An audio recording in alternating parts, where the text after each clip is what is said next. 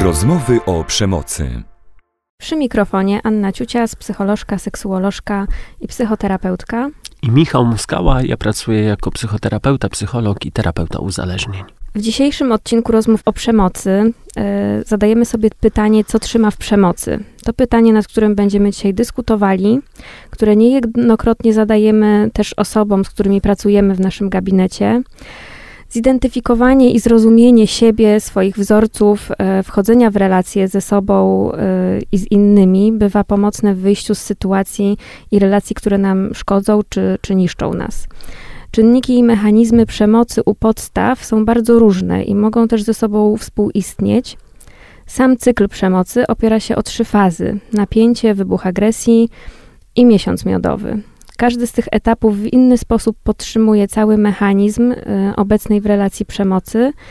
I dzisiaj na konkretnych historiach naszych słuchaczy i słuchaczek przyjrzymy się im głębiej, bardziej konkretnie. Wysłuchajmy pierwszej wiadomości. Od dawna jestem ofiarą przemocy psychicznej, a od jakiegoś czasu też fizycznej. Wiem, że chciałabym zmienić swoje życie, ale boję się odejść od partnera. Nie boję się, że ja sobie nie poradzę. Boję się, że to on sobie nie poradzi i wiem, że to jest chore. E, bardzo krótki list, ale treściwy. E, to, co e, mi się tutaj wybija jako taki czynnik, który może mieć duże znaczenie w przemocy, to kwestia sprawczości. Że z jednej strony mm, autorka pisze: Jestem od dawna ofiarą, z drugiej strony mm, nie boi się, że sobie nie poradzi. I tutaj jakby mamy dwa oblicza tej sprawczości, że e, w, w pierwszej części wybrzmiewa jakby brak sprawczości, e, takie poczucie bezsilności, bezradności może się pod tym kryć, a jednocześnie taka siła, że ja się nie boję o to, że ja sobie nie poradzę, tylko pojawia się obawa o to, że partner e, może sobie nie poradzić. I tutaj ja byłabym ciekawa, z czym na przykład on mógłby sobie nie poradzić, jakby z czego wynika w ogóle mm, ten niepokój y, o drugą osobę. Ja zastanawiam się natomiast nad tym, mm, jakie są te własne potrzeby. Um, I mi na pierwszy rzut ucha wybija się wątek y, kontroli. Y, kontroli, a może pozornej kontroli całej sytuacji, no bo jednak od razu pojawia się informacja o tym, że autorka listu jest, siebie określa jako ofiarę przemocy psychicznej, ale także fizycznej. I y, no właśnie, gdzie, gdzie, gdzie tutaj jest kontrola? Czy ona nie jest jakoś pozorna w tej, w tej sytuacji? Mhm. No, będąc przy tych potrzebach, też y, mi tu się wybija takie, taka kwestia samopoświęcania się w tej sytuacji, że doświadczam przemocy, y, a jednocześnie godzę się z, y, na to, żeby być w tej sytuacji, mając poczucie, że mam na tyle siły, żeby sobie poradzić, żeby y, nie być traktowaną e, w ten sposób, to mi się to kojarzy właśnie z formą e, samopoświęcania, czyli że mm, moje potrzeby nie są na tyle istotne, bo przedkładam tutaj, e, nie wiem, dobro drugiej osoby, jakiś komfort, E, czyli czy opiekę nad tą osobą, no właśnie, będąc może, w przekonaniu, że ona sobie nie poradzi. Mhm, no właśnie, bo może, może na przykład y, jest tutaj takie przekonanie o tym, że y, ja muszę się kimś opiekować, kto jest słabszy. No i stąd właśnie mhm. pozorna też kontrola w tej, w tej mhm, sytuacji, mhm. no bo z jednej strony daje y, opiekę, y, czy, czy powoduje, że dana osoba sobie radzi, ale doznaje realnych szkód, doznaje przemocy. Jest wykorzystywany, wykorzystywany jakiś rodzaj przewagi. Więc mi się tu pojawia pytanie, kto i w czym tak naprawdę jest sprawczy. Jednocześnie pojawia się to ostatnie słowo, Y, że ta sytuacja jest chora, to jest chore, pisze autorka. Także ja słyszę tutaj też refleksję nad tym, że to, co się dzieje, nie do końca jest ok. Że, mm, że jednak no, też dostaliśmy tą, tą wiadomość i jasno jest nazwane, że przemoc w tej relacji występuje. I teraz zastanawiam się, co to jest za punkt wyjścia. w którym jesteśmy, Mhm. że y, jest nazwanie tego, co się dzieje, y, siebie jako osobę, która doznaje przemocy. Jednocześnie, no, w dzisiejszym y, odcinku podcastu jesteśmy właśnie przy tym, y, co wikła w przemoc.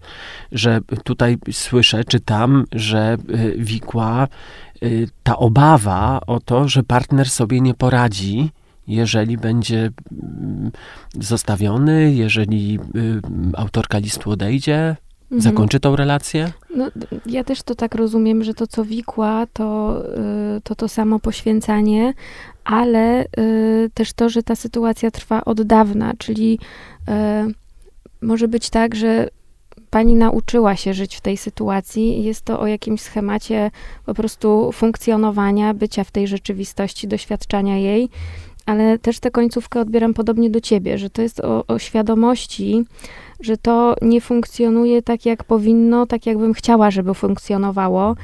E, I jednocześnie widzę w tym wszystkim zasób e, tej pani w postaci tego, że nie boję się, że sobie nie poradzę.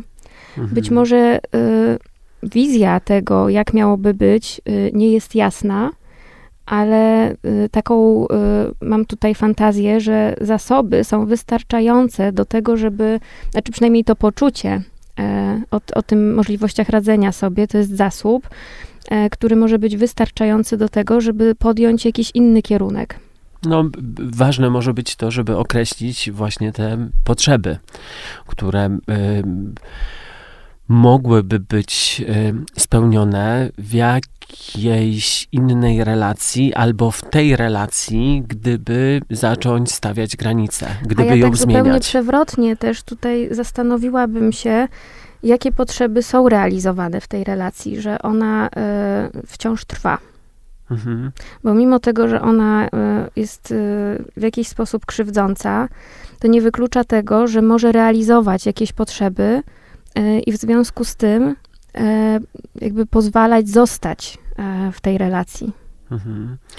No, ja chciałbym też wyrazić pewne zaniepokojenie ym, tym początkiem. Jest mowa o przemocy psychicznej, jest mowa o przemocy fizycznej. Czyli to mówię o eskalacji. Tak, Mhm. to, to mówi o eskalacji, o tym, że pewne granice mogą się przesuwać, czy, czy że się przesuwają. Natomiast y, we mnie pojawia się też takie pytanie, co musiałoby się stać, żeby zacząć reagować na to, że doznaje się przemocy. Że to jest sytuacja y, potencjalnie też bardzo niebezpieczna. Ale też y, proporcja tu konsekwencji tej krzywdy. E, czy to, że on sobie nie poradzi na szali, gdyby to położyć na wadze, byłoby cięższe niż to, że ja doświadczam y, krzywdy psychicznej, fizycznej, cierpienia i potencjalnie jestem narażona w sytuacji przemocy fizycznej na uszczerbek na zdrowiu, a być może jeszcze bardziej dotkliwe konsekwencje. No i wracam do tego, y, że być może to jest o jakiejś pozornej kontroli, bo jeżeli doznaję przemocy psychicznej i od jakiegoś czasu fizycznej, to czy rzeczywiście jest tak, że ja sobie radzę? Czy, czy to jest właśnie, czy, czy to można ze sobą zestawić? No, myślę sobie, że y, to może być takie funkcjonowanie y, w sytuacji przemocowej z pozycji siły, właśnie dlatego, żeby mm, jakby zachować pewną integralność samej siebie, e, żeby się w cudzysłowie nie rozsypać, bo być może gdyby się skonfrontować z taką e, informacją, tą świadomością, że to zupełnie mi nie służy, to byłoby mm, na tyle dotkliwe, że niezgodne z moim obrazem samej siebie, a tutaj to, że ja się nie boję, że ja sobie radzę, że jest to jednak opozycji siły. Tylko w sytuacji przemocy właśnie y, jest zupełnie odwrotnie, że ta siła jest y, odebrana i tej mocy nie ma, że to rzeczywiście może być jakiś pozór tutaj tego, który podtrzymuje jednocześnie y, taką sytuację. Wiadomość jest krótka, mało mamy danych odnośnie na przykład tła, y, przekonań na, na temat siebie. Tego, z tego listu nie, nie, nie wyczytamy, możemy się jedynie domyślać, snuć jakiś rodzaj refleksji. Natomiast pe- pewnie warto byłoby te obszary zgłębić, żeby no, zastanowić się, co tutaj byłoby potrzebne, bo jest jakiś rodzaj diagnozy autorki listu tej sytuacji, uważa ją za chorą, natomiast co z tym punktem wyjścia? To, to jest to, przy czym ja zostaję, jeśli chodzi o tą wiadomość. No, ja też y, mam taką myśl na koniec, że e, ta wiadomość jest o jakimś procesie, że to jest od dawna i że jest to o y, pewnej ambiwalencji, takim oscylowaniu między mm, jakby dwiema perspektywami. E, I jest to taki proces, który bardzo często jest potrzebny do tego, żeby móc dojrzeć do, mm, do decyzji, które chcemy ostatecznie podjąć.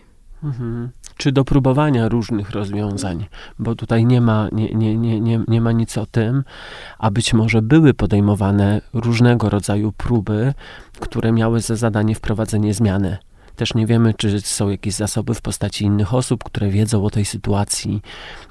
No właśnie, mało, mało mamy danych, natomiast y, punkt wyjścia jest, ta refleksja, ta świadomość, że jest nie w porządku, że z jednej strony jest poczucie bycia ofiarą, jest, jest bycie ofiarą przemocy fizycznej, jak również psychicznej, ale też ta świadomość, że ja sobie poradzę.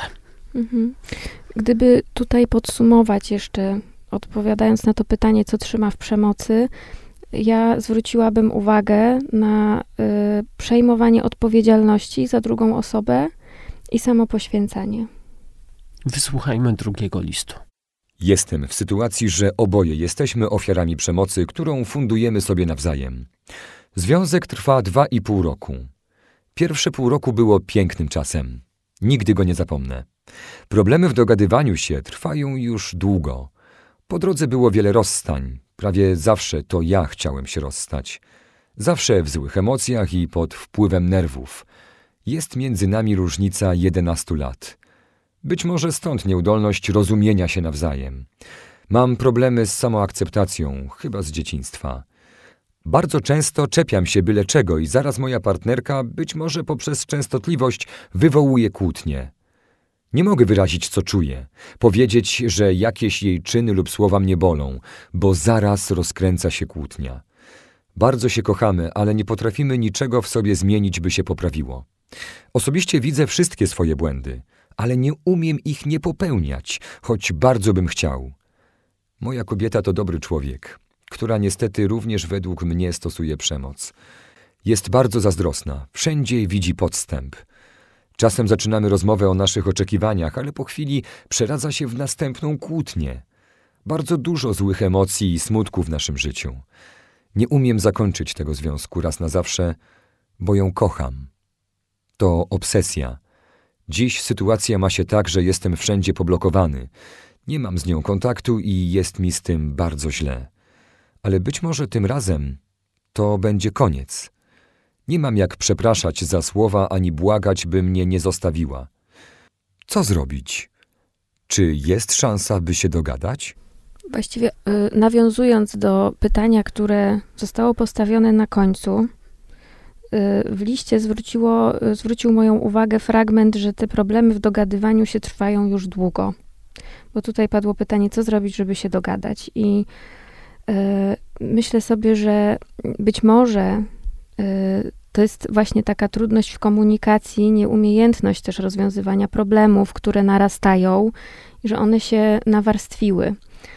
E, może to wynikać z braku umiejętności, ale też z różnego rodzaju obaw, konfrontowania się z problemami, z rzeczywistością, czy mm, obaw związanych z reakcją drugiej strony, że tutaj e, jakoś wiele może się wokół tej komunikacji dziać i żeby odpowiedzieć na to pytanie, trzeba by było sprawdzić, e, na czym tak naprawdę polega problem w tej parze, związany z samą komunikacją, bo poza komunikacją tu absolutnie jest wiele różnych czynników, które w moim odczuciu no, mogą przeszkadzać w tym, żeby ta relacja mogła być bezpieczna i zdrowa.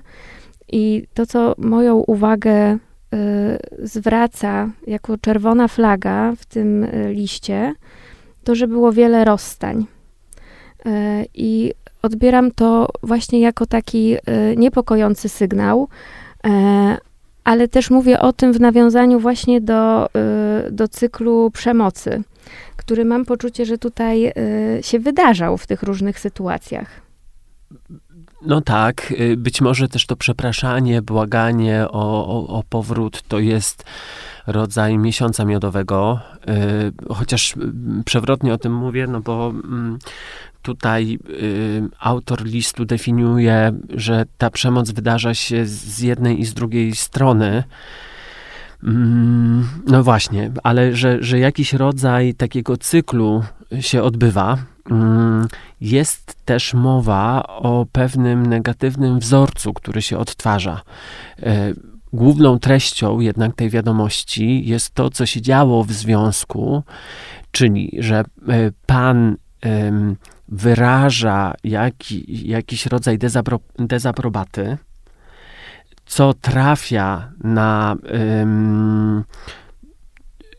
partnerkę, która y, dener- No, którą dochodzi to do kłótni denerwuje. Właśnie. Tak, I którą tutaj też możemy się do zastanowić, kłótni. co to wywołuje w tej partnerce. Czy to jest jakiś rodzaj niezgody, e, takiego wejścia właśnie e, w ofensywę w tej sytuacji, kiedy pan właśnie e, dopuszcza się e, tutaj e, napisał czepiania się. No właśnie, i, i, ale to ja, Mhm. ja widziałbym to, ym, chciałbym to zobaczyć, czy, czy zgłębić z dwóch stron, z Mhm. obu stron tej relacji. Dlatego, że ym, ważne może być to, co znaczy to czepianie się. To znaczy, jaki tam jest komunikat, czego to dotyczy. Pan zwraca uwagę również na, na różnicę lat. No, przy osobach, które są autonomiczne, niezależne, to może nie mieć aż takiego znaczenia. Tu nie mamy Tak, informacji też im o, o osoby wieku. w ogóle starsze, tym te różnice się bardziej zacierają, no bo jest mniejszy rozdźwięk, jakby jeżeli chodzi o same etapy życia czy zadania rozwojowe. Tak. Natomiast y, pan pisze, bardzo często czep, czepiam się o byle co. I wtedy ta sytuacja wywołuje kłótnie. I no, istotne mogłoby być zauważenie, co robi, czy jaką funkcję ma to czepianie się u pana, Też Jak również jest jak to jest- Właśnie. No Mhm. jaka jest intencja? I tutaj mm, no, przez to, że, że pan na, na, napisał, no to, to y, bliżej byłoby do tego, żeby to zgłębić.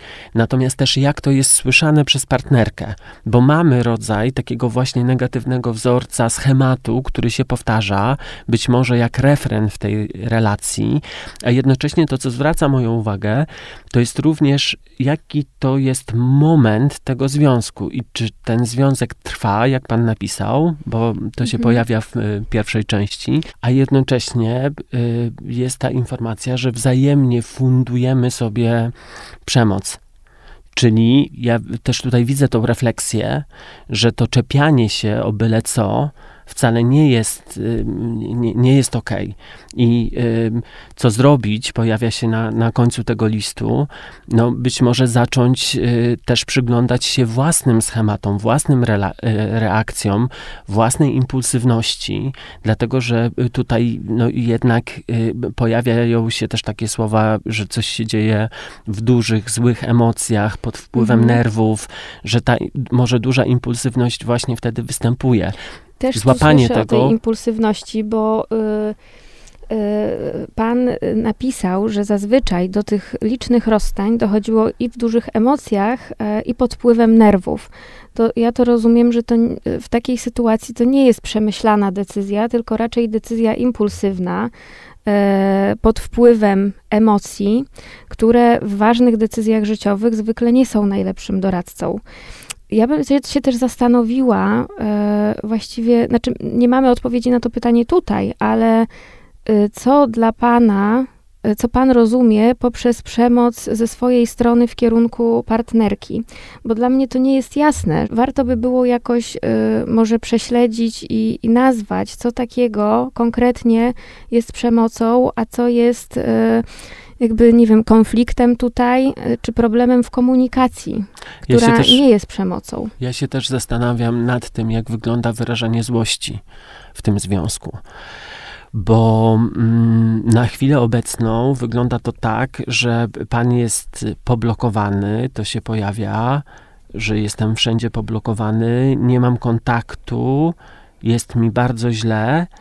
Natomiast, y, no tak, zastanawiam się nad tym, jak, jak wygląda wyrażanie y, mm, złości, stawianie y, granic, bo być może te przytyki, to czepianie się, czepialstwo jest właśnie rodzajem wyrażania jakiejś złości. Mhm. Że, że tutaj, no właśnie, tak jak powiedziałaś, można się zastanawiać, na ile to są przemocowe komunikaty, na ile one mogą pozbawiać godności, na ile to można próbować, na, na ile też jest chęć do tego, żeby siebie usłyszeć w tych własnych oczekiwaniach. Ja nie mam jasności odnośnie tego, czy ten związek trwa, tak jak pan napisał, związek trwa 2,5 roku, czy na chwilę obecną związku nie ma.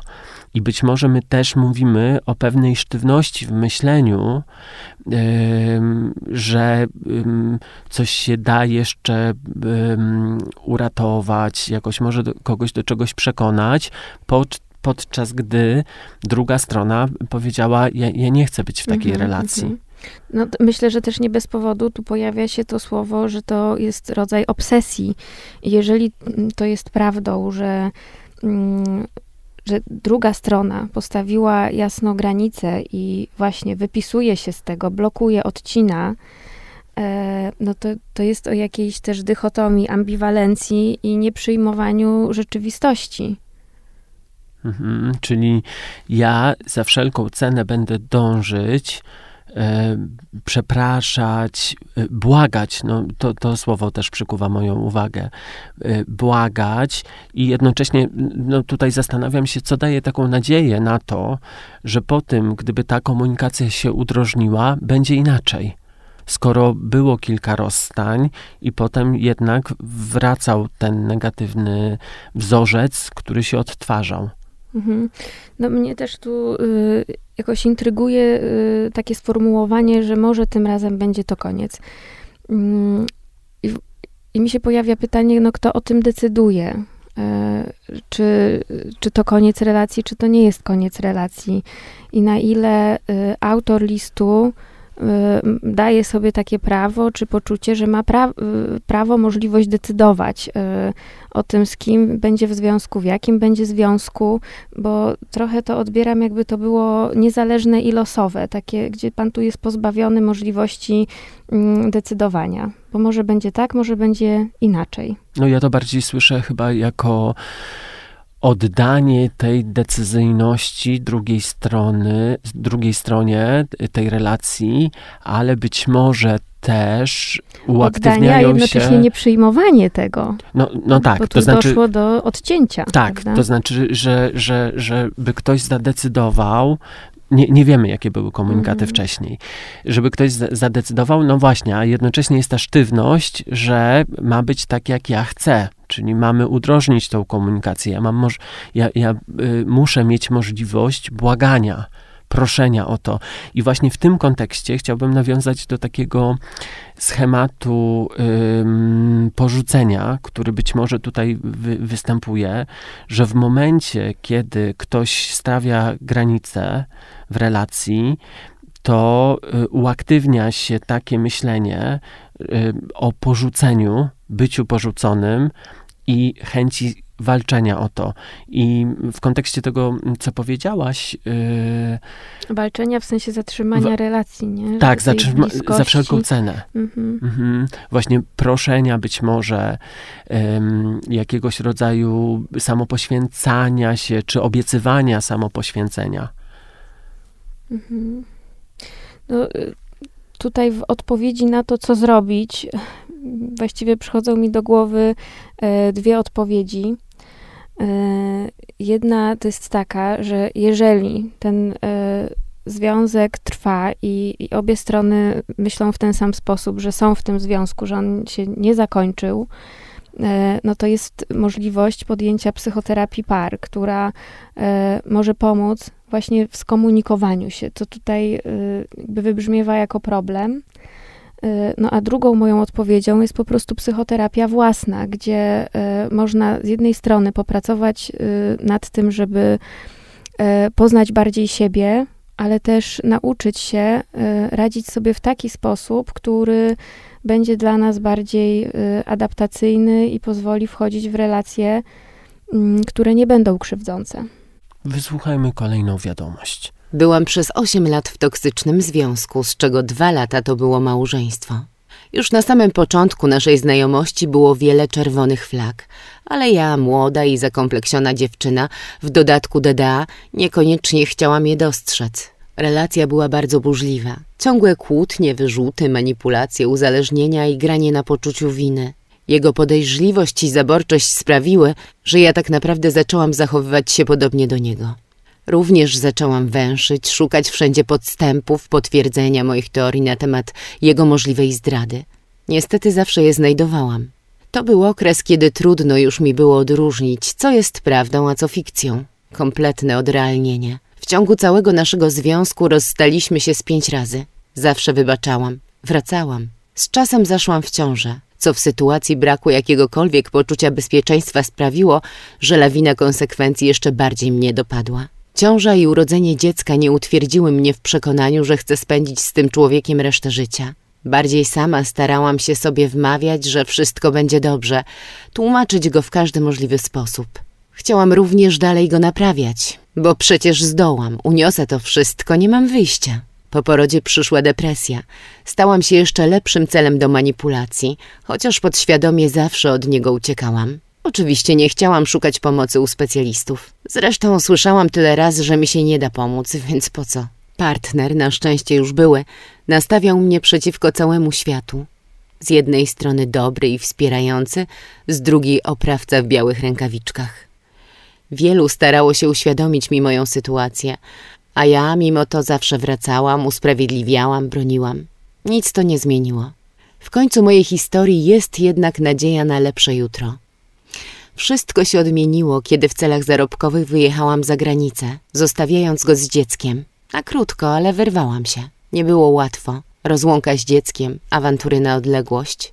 Wróciłam do kraju i coś we mnie pękło. A może też prawda, którą odkryłam, była wisienką na torcie, że powiedziałam dość? Kolejna zdrada i wykorzystanie mnie i zabawa moimi uczuciami i nie tylko dodały mi siły, żeby kazać mu zniknąć z mojego życia. Udało mi się rok temu. Dzisiaj już oddycham lżej i spokojniej. Jestem inną osobą. Choć on nadal potrafił przykrzać mi życie i odgrywać się na mnie, wykorzystując nasze dziecko. Mimo to z każdym dniem coraz mniej się go boję i mam coraz większą siłę, żeby się nie poddawać. Robię to dla siebie i dla mojego syna. To, co w ujęciu mechanizmów e, przemocy, co trzyma w przemocy, e, moją uwagę zwraca tutaj kwestia tego, że e, relacja była bardzo burzliwa, że to jest o takiej huśtawce w tej relacji, że były obecne w niej uzależnienia, a jednocześnie pani identyfikuje się jako osoba DDA. Mhm. Ten skrót oznacza dzieci dorosłych alkoholików, czyli ja rozumiem, że pani po, pochodzi z domu, w którym y, też było obecne uzależnienie y, i y, wyobrażam sobie, że mógł być to taki dom, gdzie było wiele niepewności, zdezorganizowania, czy też wymagań na przykład niedostosowanych do do dziecka, do, do, do wieku. E, też I takich wymagań też do, związanych z dostosowaniem się do jakiejś rzeczywistości, która jest chaotyczna i że właśnie ten wzorzec relacji z osobą w tym związku jest pewną repliką doświadczenia, podobnych doświadczeń z domu pochodzenia że to jest znajome, że wiadomo, jak sobie z tym radzić, jak się w tym odnaleźć, mimo że jest to bardzo trudna rzeczywistość. Tak, ja też to tak um, czytam, że pewne wzorce mogły być zamodelowane w dzieciństwie, że ta nieprzewidywalność. Ona była obecno, obecna w tej relacji. Zresztą pani pisze wprost, że był czas, kiedy trudno było odróżnić, co jest prawdą, a co fikcją. I że wydawało się, że to jest kompletne odrealnienie wtedy. E, jednocześnie pojawiają się takie mm, informacje, że pani słyszała wiele razy, że nic się nie da zrobić, Mhm. że nie da się pomóc w tej sytuacji. Zastanawiam się, kto jest autorem ym, takich komunikatów, ym, bo y, pani mm, również tutaj y, pisze, że wmawiała sobie, że wszystko będzie dobrze, że tłumaczyła partnera, męża w każdy możliwy sposób e, i chciała go naprawiać.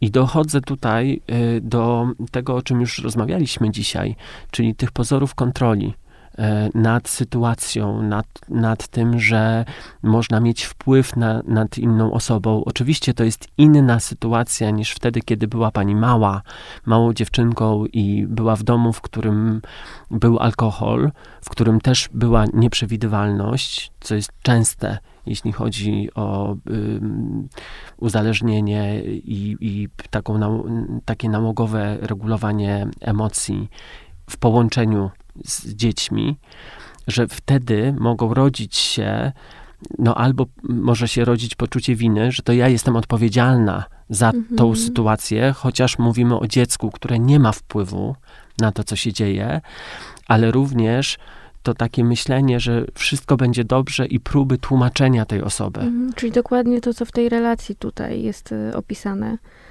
Mm, I nawiązując do tego, o, o czym ty tutaj powiedziałeś, to y, jest kilka aspektów, y, które zwracają moją uwagę, bo odnośnie tego zmieniania na przykład, że mm, nasz sposób widzenia nie zmienia rzeczywistości i to, to byłoby o takim mechanizmie e, błędów poznawczych, zniekształceń poznawczych, które też są mechanizmem, mogą być mechanizmem podtrzymywania e, przemocy.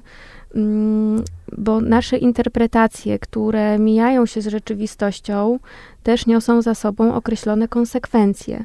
I, Tak, to znaczy ja myślę, że, że, że nawet więcej, że to, jak interpretujemy jakąś sytuację, pozwala nam szukać na przykład motywacji do zmiany, albo no właśnie to, co powiedziałaś, ten ale nieadekwatnie do sposób widzenia może właśnie utwierdzać Mhm. w tym, że to jest to, co jest je- jedyne jako możliwe, Mhm. osiągalne, że nie ma, nie, nie ma możliwości szukania zmiany.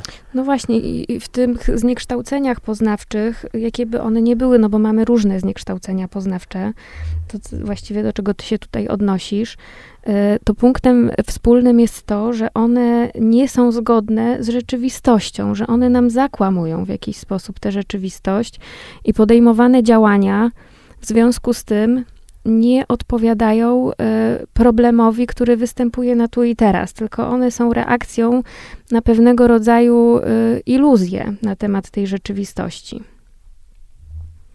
To, co zwraca jeszcze moją uwagę y, odnośnie tego zmieniania i tego, co mogło, tak rozumiem, motywować do, do zmieniania, to, że z jednej strony pan był dobry, wspierający, a z drugiej był w pani doświadczeniu przemocowy. Czyli, że y, jakby w, jednej osobie były dwie różne osoby, taka dobra i taka y, krzywdząca. I myślę, że to jest o kolejnym mechanizmie podtrzymującym, czyli o tym, że jest nadzieja na zmianę. No bo skoro e, ktoś potrafi być też dobry i wspierający, mm, to może dawać taką nadzieję na to, że ktoś się jednak zmieni, że Mhm. e, to będzie dominującym e, sposobem bycia w relacji, e, a że to krzywdzenie się zmniejszy, zredukuje. Tylko, no właśnie, to jest o pewnego rodzaju mm, przekonaniu na ten temat i, i myśleniu życzeniowym w tej sytuacji, no bo pan musiałby chcieć się zmienić. A z tego, co rozumiem, to jest taki obraz tego pana, że on ma takie dwa oblicza w sobie i, i to jest o, o nim. No dochodziło też do, do tego, że pani mm, miała informacje o kolejnych zdradach. Natomiast było coś takiego, co jednak y, pozwalało być w tej relacji do jakiegoś, do jakiegoś czasu. Mm, Być może mówimy również o sytuacji związanej z izolacją. Z tym, że będąc y, z kimś w takim, w takiej ścisłej zależności, w codzienności, nie mając innych punktów oglądu tej sytuacji, informacji od innych osób, jak to widzą, może być trudno no, zreflektować się, czy to rzeczywiście jest relacja, w której ja chcę być. A mówię o tym dlatego, że y, pojawia się tu informacja o tym, że pani wyjechała, nabrała właśnie takiego dystansu, jakiegoś innego oglądu tej sytuacji, i to pozwoliło jej na to, żeby odnieść się do zmiany, żeby zacząć wprowadzać zmianę w imię siebie, w imię również y, syna, który brał udział w tym wszystkim, co się działo w domu. Mhm.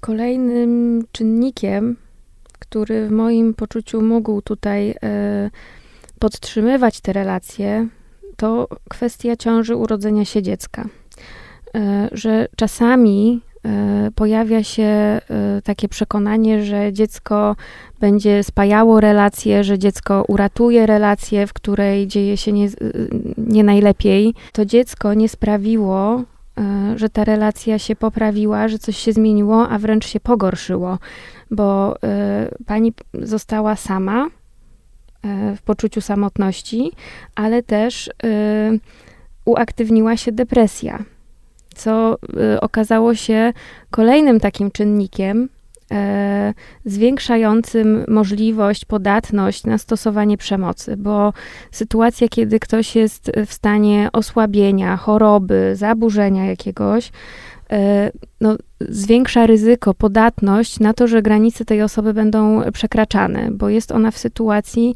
akurat y, mniejszej siły, mocy. No tak, nie, nierównowagi tych tak. sił. Czytam tutaj właśnie tą sprawczość. To znaczy, że po jakimś czasie pani sobie przypisuje tą chęć zawalczenia o siebie, o to, żeby syn miał dobre warunki do tego, żeby się rozwijać. I to myślę, że jest super istotne w kontekście uwikłania y, w przemoc, że widzi się swoją sprawczość i swój wpływ nie zawiesza się na tym, co pomyśli partner albo co zrobi y, partnerka, y, jak sobie poradzi inna osoba, tylko przynajmniej przez jakiś czas odwołuje się do siebie, do swoich potrzeb, do tego, co mogę zrobić, żeby mi było dobrze, po tym, jak sobie odpowiem na pytanie, czy jak, jak mi jest teraz i czy to rzeczywiście jest model rela relacji, w której ja chcę być. Mhm. To y, jakby na, do czego bym nawiązała dalej, to podświadomie zawsze od niego uciekałam. Y, I ja właśnie y, też y, czytam podobny kontekst do tego, o którym powiedziałeś, że, że z pewną nieśmiałością, brakiem chyba zaufania do samej siebie, takie przejawy podejrzenia się już wcześniej pojawiały, jakiś niekomfort tej relacji i że ta gotowość kiełkowała.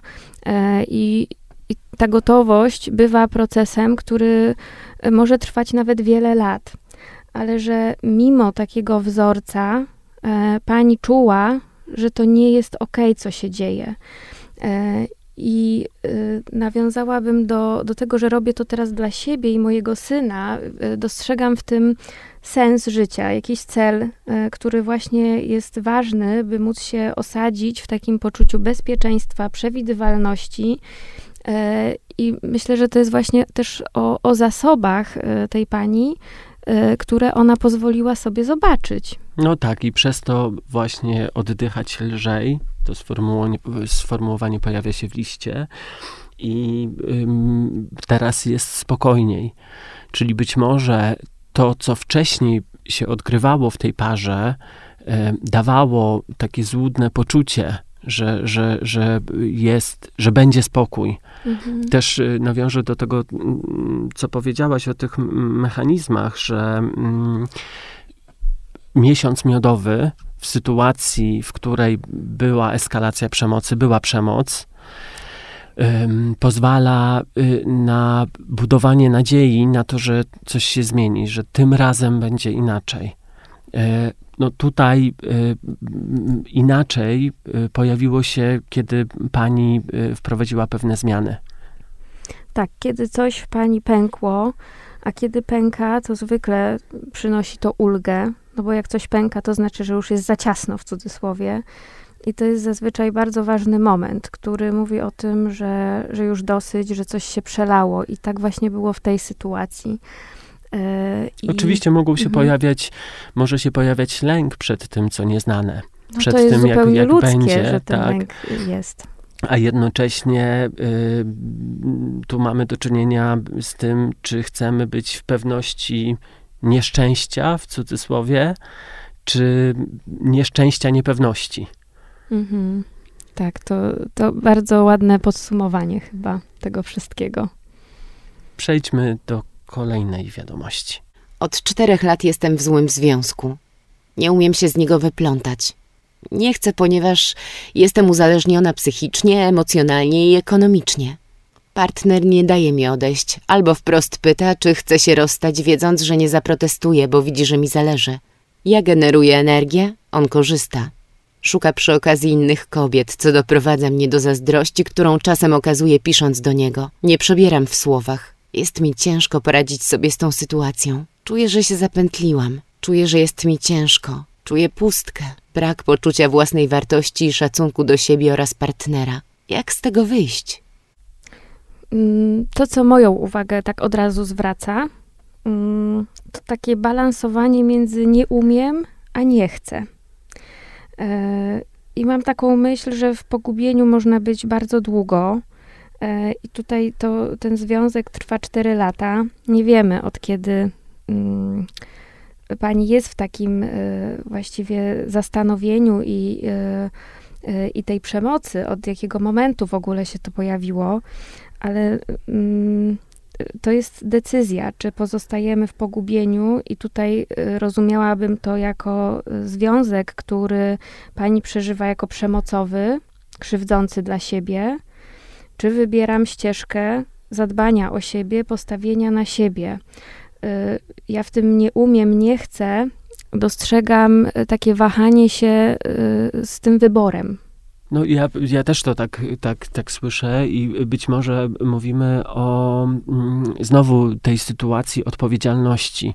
Kto jest za co odpowiedzialny? Czy, czy czekam na to, aż pewne warunki, jakiś kontekst się zmieni, albo partner wprowadzi jakąś zmianę, czy decyduję się na to, że chcę wprowadzić jakąś zmianę, mimo tego, że no tutaj ewidentnie pada, pada ta informacja, nie, nie umiem.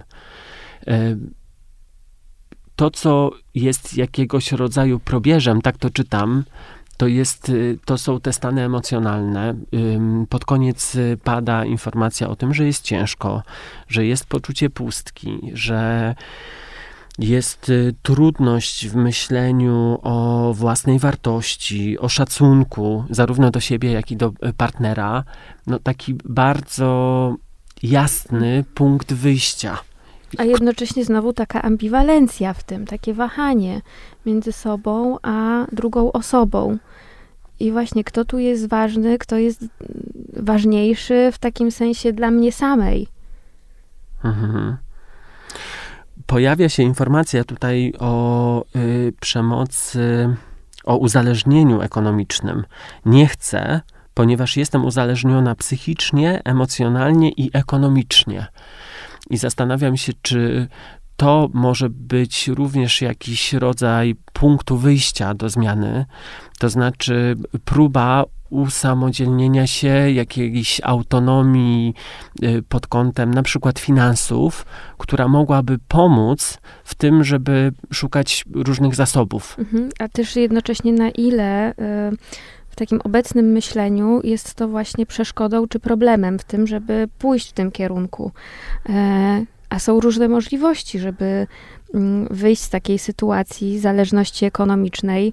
E, poza tym, że e, są różne miejsca pozarządowe, które wspierają po prostu i, i też materialnie, mm, to być może jakieś zasoby społeczne można by było do tego, y, do tego użyć, skorzystać, y, żeby jakby na sam początek y, przejść tę barierę, która na tu i teraz wydaje się tym brakiem możliwości. Mhm.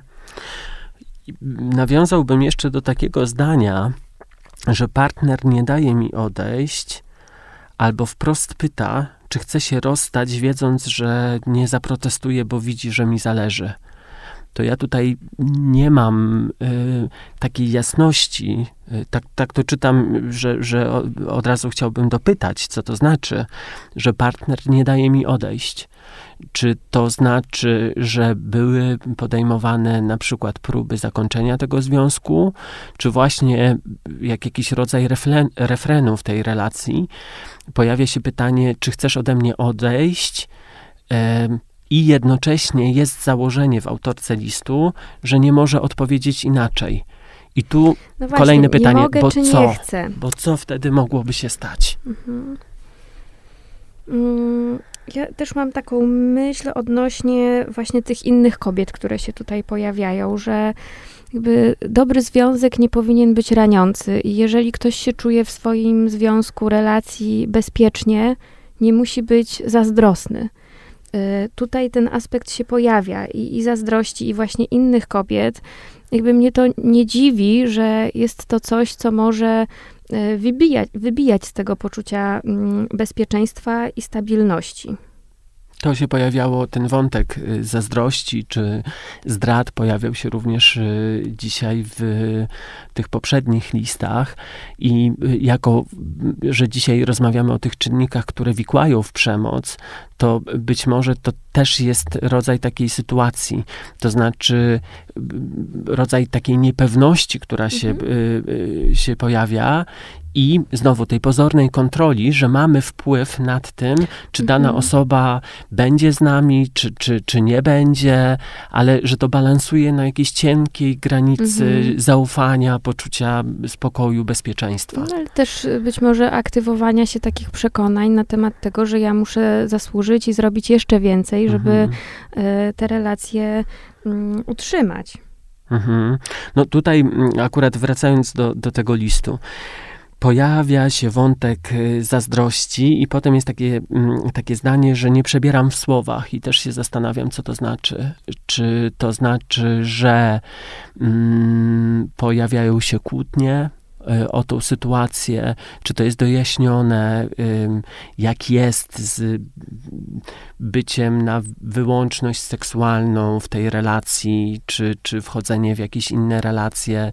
No, to cały, cały taki wątek może do, do poruszenia, natomiast przykuwa moją uwagę to sformułowanie nie przebieram w słowach Tak, wtedy. a jednocześnie to nie przebieram w słowach, tak rozumiem, odnosi się do tego, że pani pisze do pana, a nie mówi bezpośrednio. E, co też e, jakby na wielu polach może stwarzać trudności i rozumiem, że w ogóle konfrontowanie się z taką sytuacją, że mój partner szuka innych kobiet, może być bardzo dotkliwe i trudne, przynosić wiele cierpienia. Mm, I odnosząc się do mechanizmów, y, ja to widzę jako taki mechanizm tej huśtawki właśnie, że to jest takie przyciąganie, odpychanie, które może podtrzymywać właśnie e, relację, która jest przemocowa. Mhm. I tak to odbieram, że coś podobnego się tutaj e, dzieje, że to jest wzbudzanie takich e, silnych emocji, zazdrości. Pod zazdrością e, kryją się różne inne emocje, takie cząstkowe, czy, czy lęk, smutek, żal, złość. I to jest ogromna mieszanka, która się pojawia. Ja ten trud też czytam wyrażony wprost w tej korespondencji w zdaniu czuję, że się zapętliłam -hmm. i blisko mi jest do takiego pytania, y, co mogłoby być pomocne pani y, w tym, żeby poukładać sobie tą sytuację?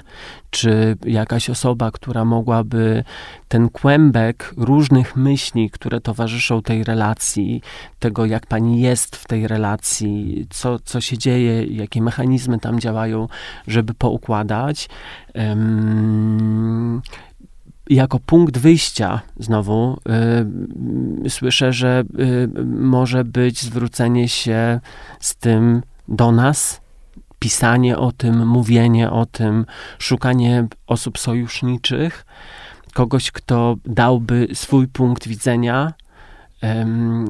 Spojrzał na to, co się, co się dzieje, zastanawiam się, czy Mhm. są, y, no właśnie, w codzienności, w realnym życiu takie osoby, do których można byłoby się zwrócić. Tutaj y, do nas w takim rozumieniu y, na przykład antyprzemocowej linii pomocy, gdzie można anonimowo porozmawiać i, i jakoś poszukać rozumienia czy rozwiązań ewentualnie, ale też szeroko rozumiane do nas y, specjalistów, do, do psychologa, psychoterapeuty, gdzie też y, można mm, w jakimś procesie nad różnymi rzeczami popracować. No tak, y, wstyd, jeszcze będąc y, przy mechanizmach przemocy, to jest często mm, coś, co towarzyszy właśnie uwikłaniu, y, czyli taka trudność, która się pojawia w tym, żeby się otworzyć z tym, co się dzieje w domu. E, Bo działają te wszystkie ym, potoczne powiedzenia, żeby nie wyjmować rzeczy poza cztery ściany, że pewne rzeczy muszą się właśnie tam, tam odbywać. Wcale tak nie jest, natomiast szukając y, takiej bezpiecznej i dobrej dla siebie ścieżki y, pomocowej, może to właśnie, co mogłoby pomagać, to jest ten dystans, który dają telefony zaufania, Mhm. bo nie wymagają tego, żeby od razu, nie wiem, umawiać jaki, jakiś konkretny Mhm. termin, y, No tak, ale tutaj osobę. też trzeba jasno powiedzieć, że to jest taka pomoc doraźna, że to nie jest e, forma terapii czy procesu zmiany, bo to jest e, konsultacja, jednorazowy kontakt, e, e, anonimowy kontakt i e, nie jest to tym samym, co proces terapeutyczny. To są zupełnie inne formy oddziaływania. inne formy, natomiast czasem jako wstęp do tego, żeby Tak. zająć się swoimi y, sprawami, żeby zastanowić się nad swoimi potrzebami, jakie emocje towarzyszą temu wszystkiemu, co się dzieje, czy angażować inne osoby, w tym służby, instytucje, które mogą być y, pomocowe, y, zastanowić się nad takim doraźnym planem bezpieczeństwa, Mhm. y, czy właśnie mm, jakąś perspektywą, aktywnościami, które chce się pod, podjąć, no to jak najbardziej No, każda to, to forma w takim pomocy momencie, jest kiedy okej. właśnie już y, osoba dojrzeje do tego, że y, chce podjąć jakieś działania, bo y, tak jak podkreślamy cały czas, to jest proces i y, są różne momenty, etapy w tym procesie i y, radzenie sobie czy oddziaływania nie muszą polegać tylko na tym, y, o czym mówimy jako y, właściwie ostatni etap, jakieś interwencje też takie instytucjonalne, y, że, że to może być później w tym procesie, że sama rozmowa i wyjście z tym, że ja mam jakiś problem, niewygodę, to też jest bardzo ważny krok. I odpowiadając na to, jak z tego wyjść, ja właściwie mam taką jedną ogólną myśl, że postawić na siebie, zająć się sobą, żeby móc y, zobaczyć, jak ja jestem e, ustawiona w całym tym systemie, a jak chciałabym być. Każda zmiana w systemie wprowadza zmianę całego systemu. To jest Mhm. nieuniknione, więc to, to, to jest taki dobry punkt wyjścia, żeby skupić się na sobie i na tych własnych potrzebach. E, W ostatni, w kolejnym, ostatnim już odcinku tego sezonu porozmawiamy też o nadziei e, na to, że zmiana jest możliwa. E, Odniesiemy się do konkretnych historii osób, które do nas napisały, więc ten wątek również poruszymy. Dziękujemy. Do usłyszenia. Jeśli doświadczasz przemocy, stosujesz ją lub widzisz, bądź masz wątpliwości, czy to, czego doświadczasz, jest przemocą, możesz skontaktować się z antyprzemocową linią pomocy Sekset 720 720 020. Czynną od poniedziałku do soboty w godzinach od 17 do 21. W sytuacjach zagrożenia życia skontaktuj się z numerem alarmowym 112.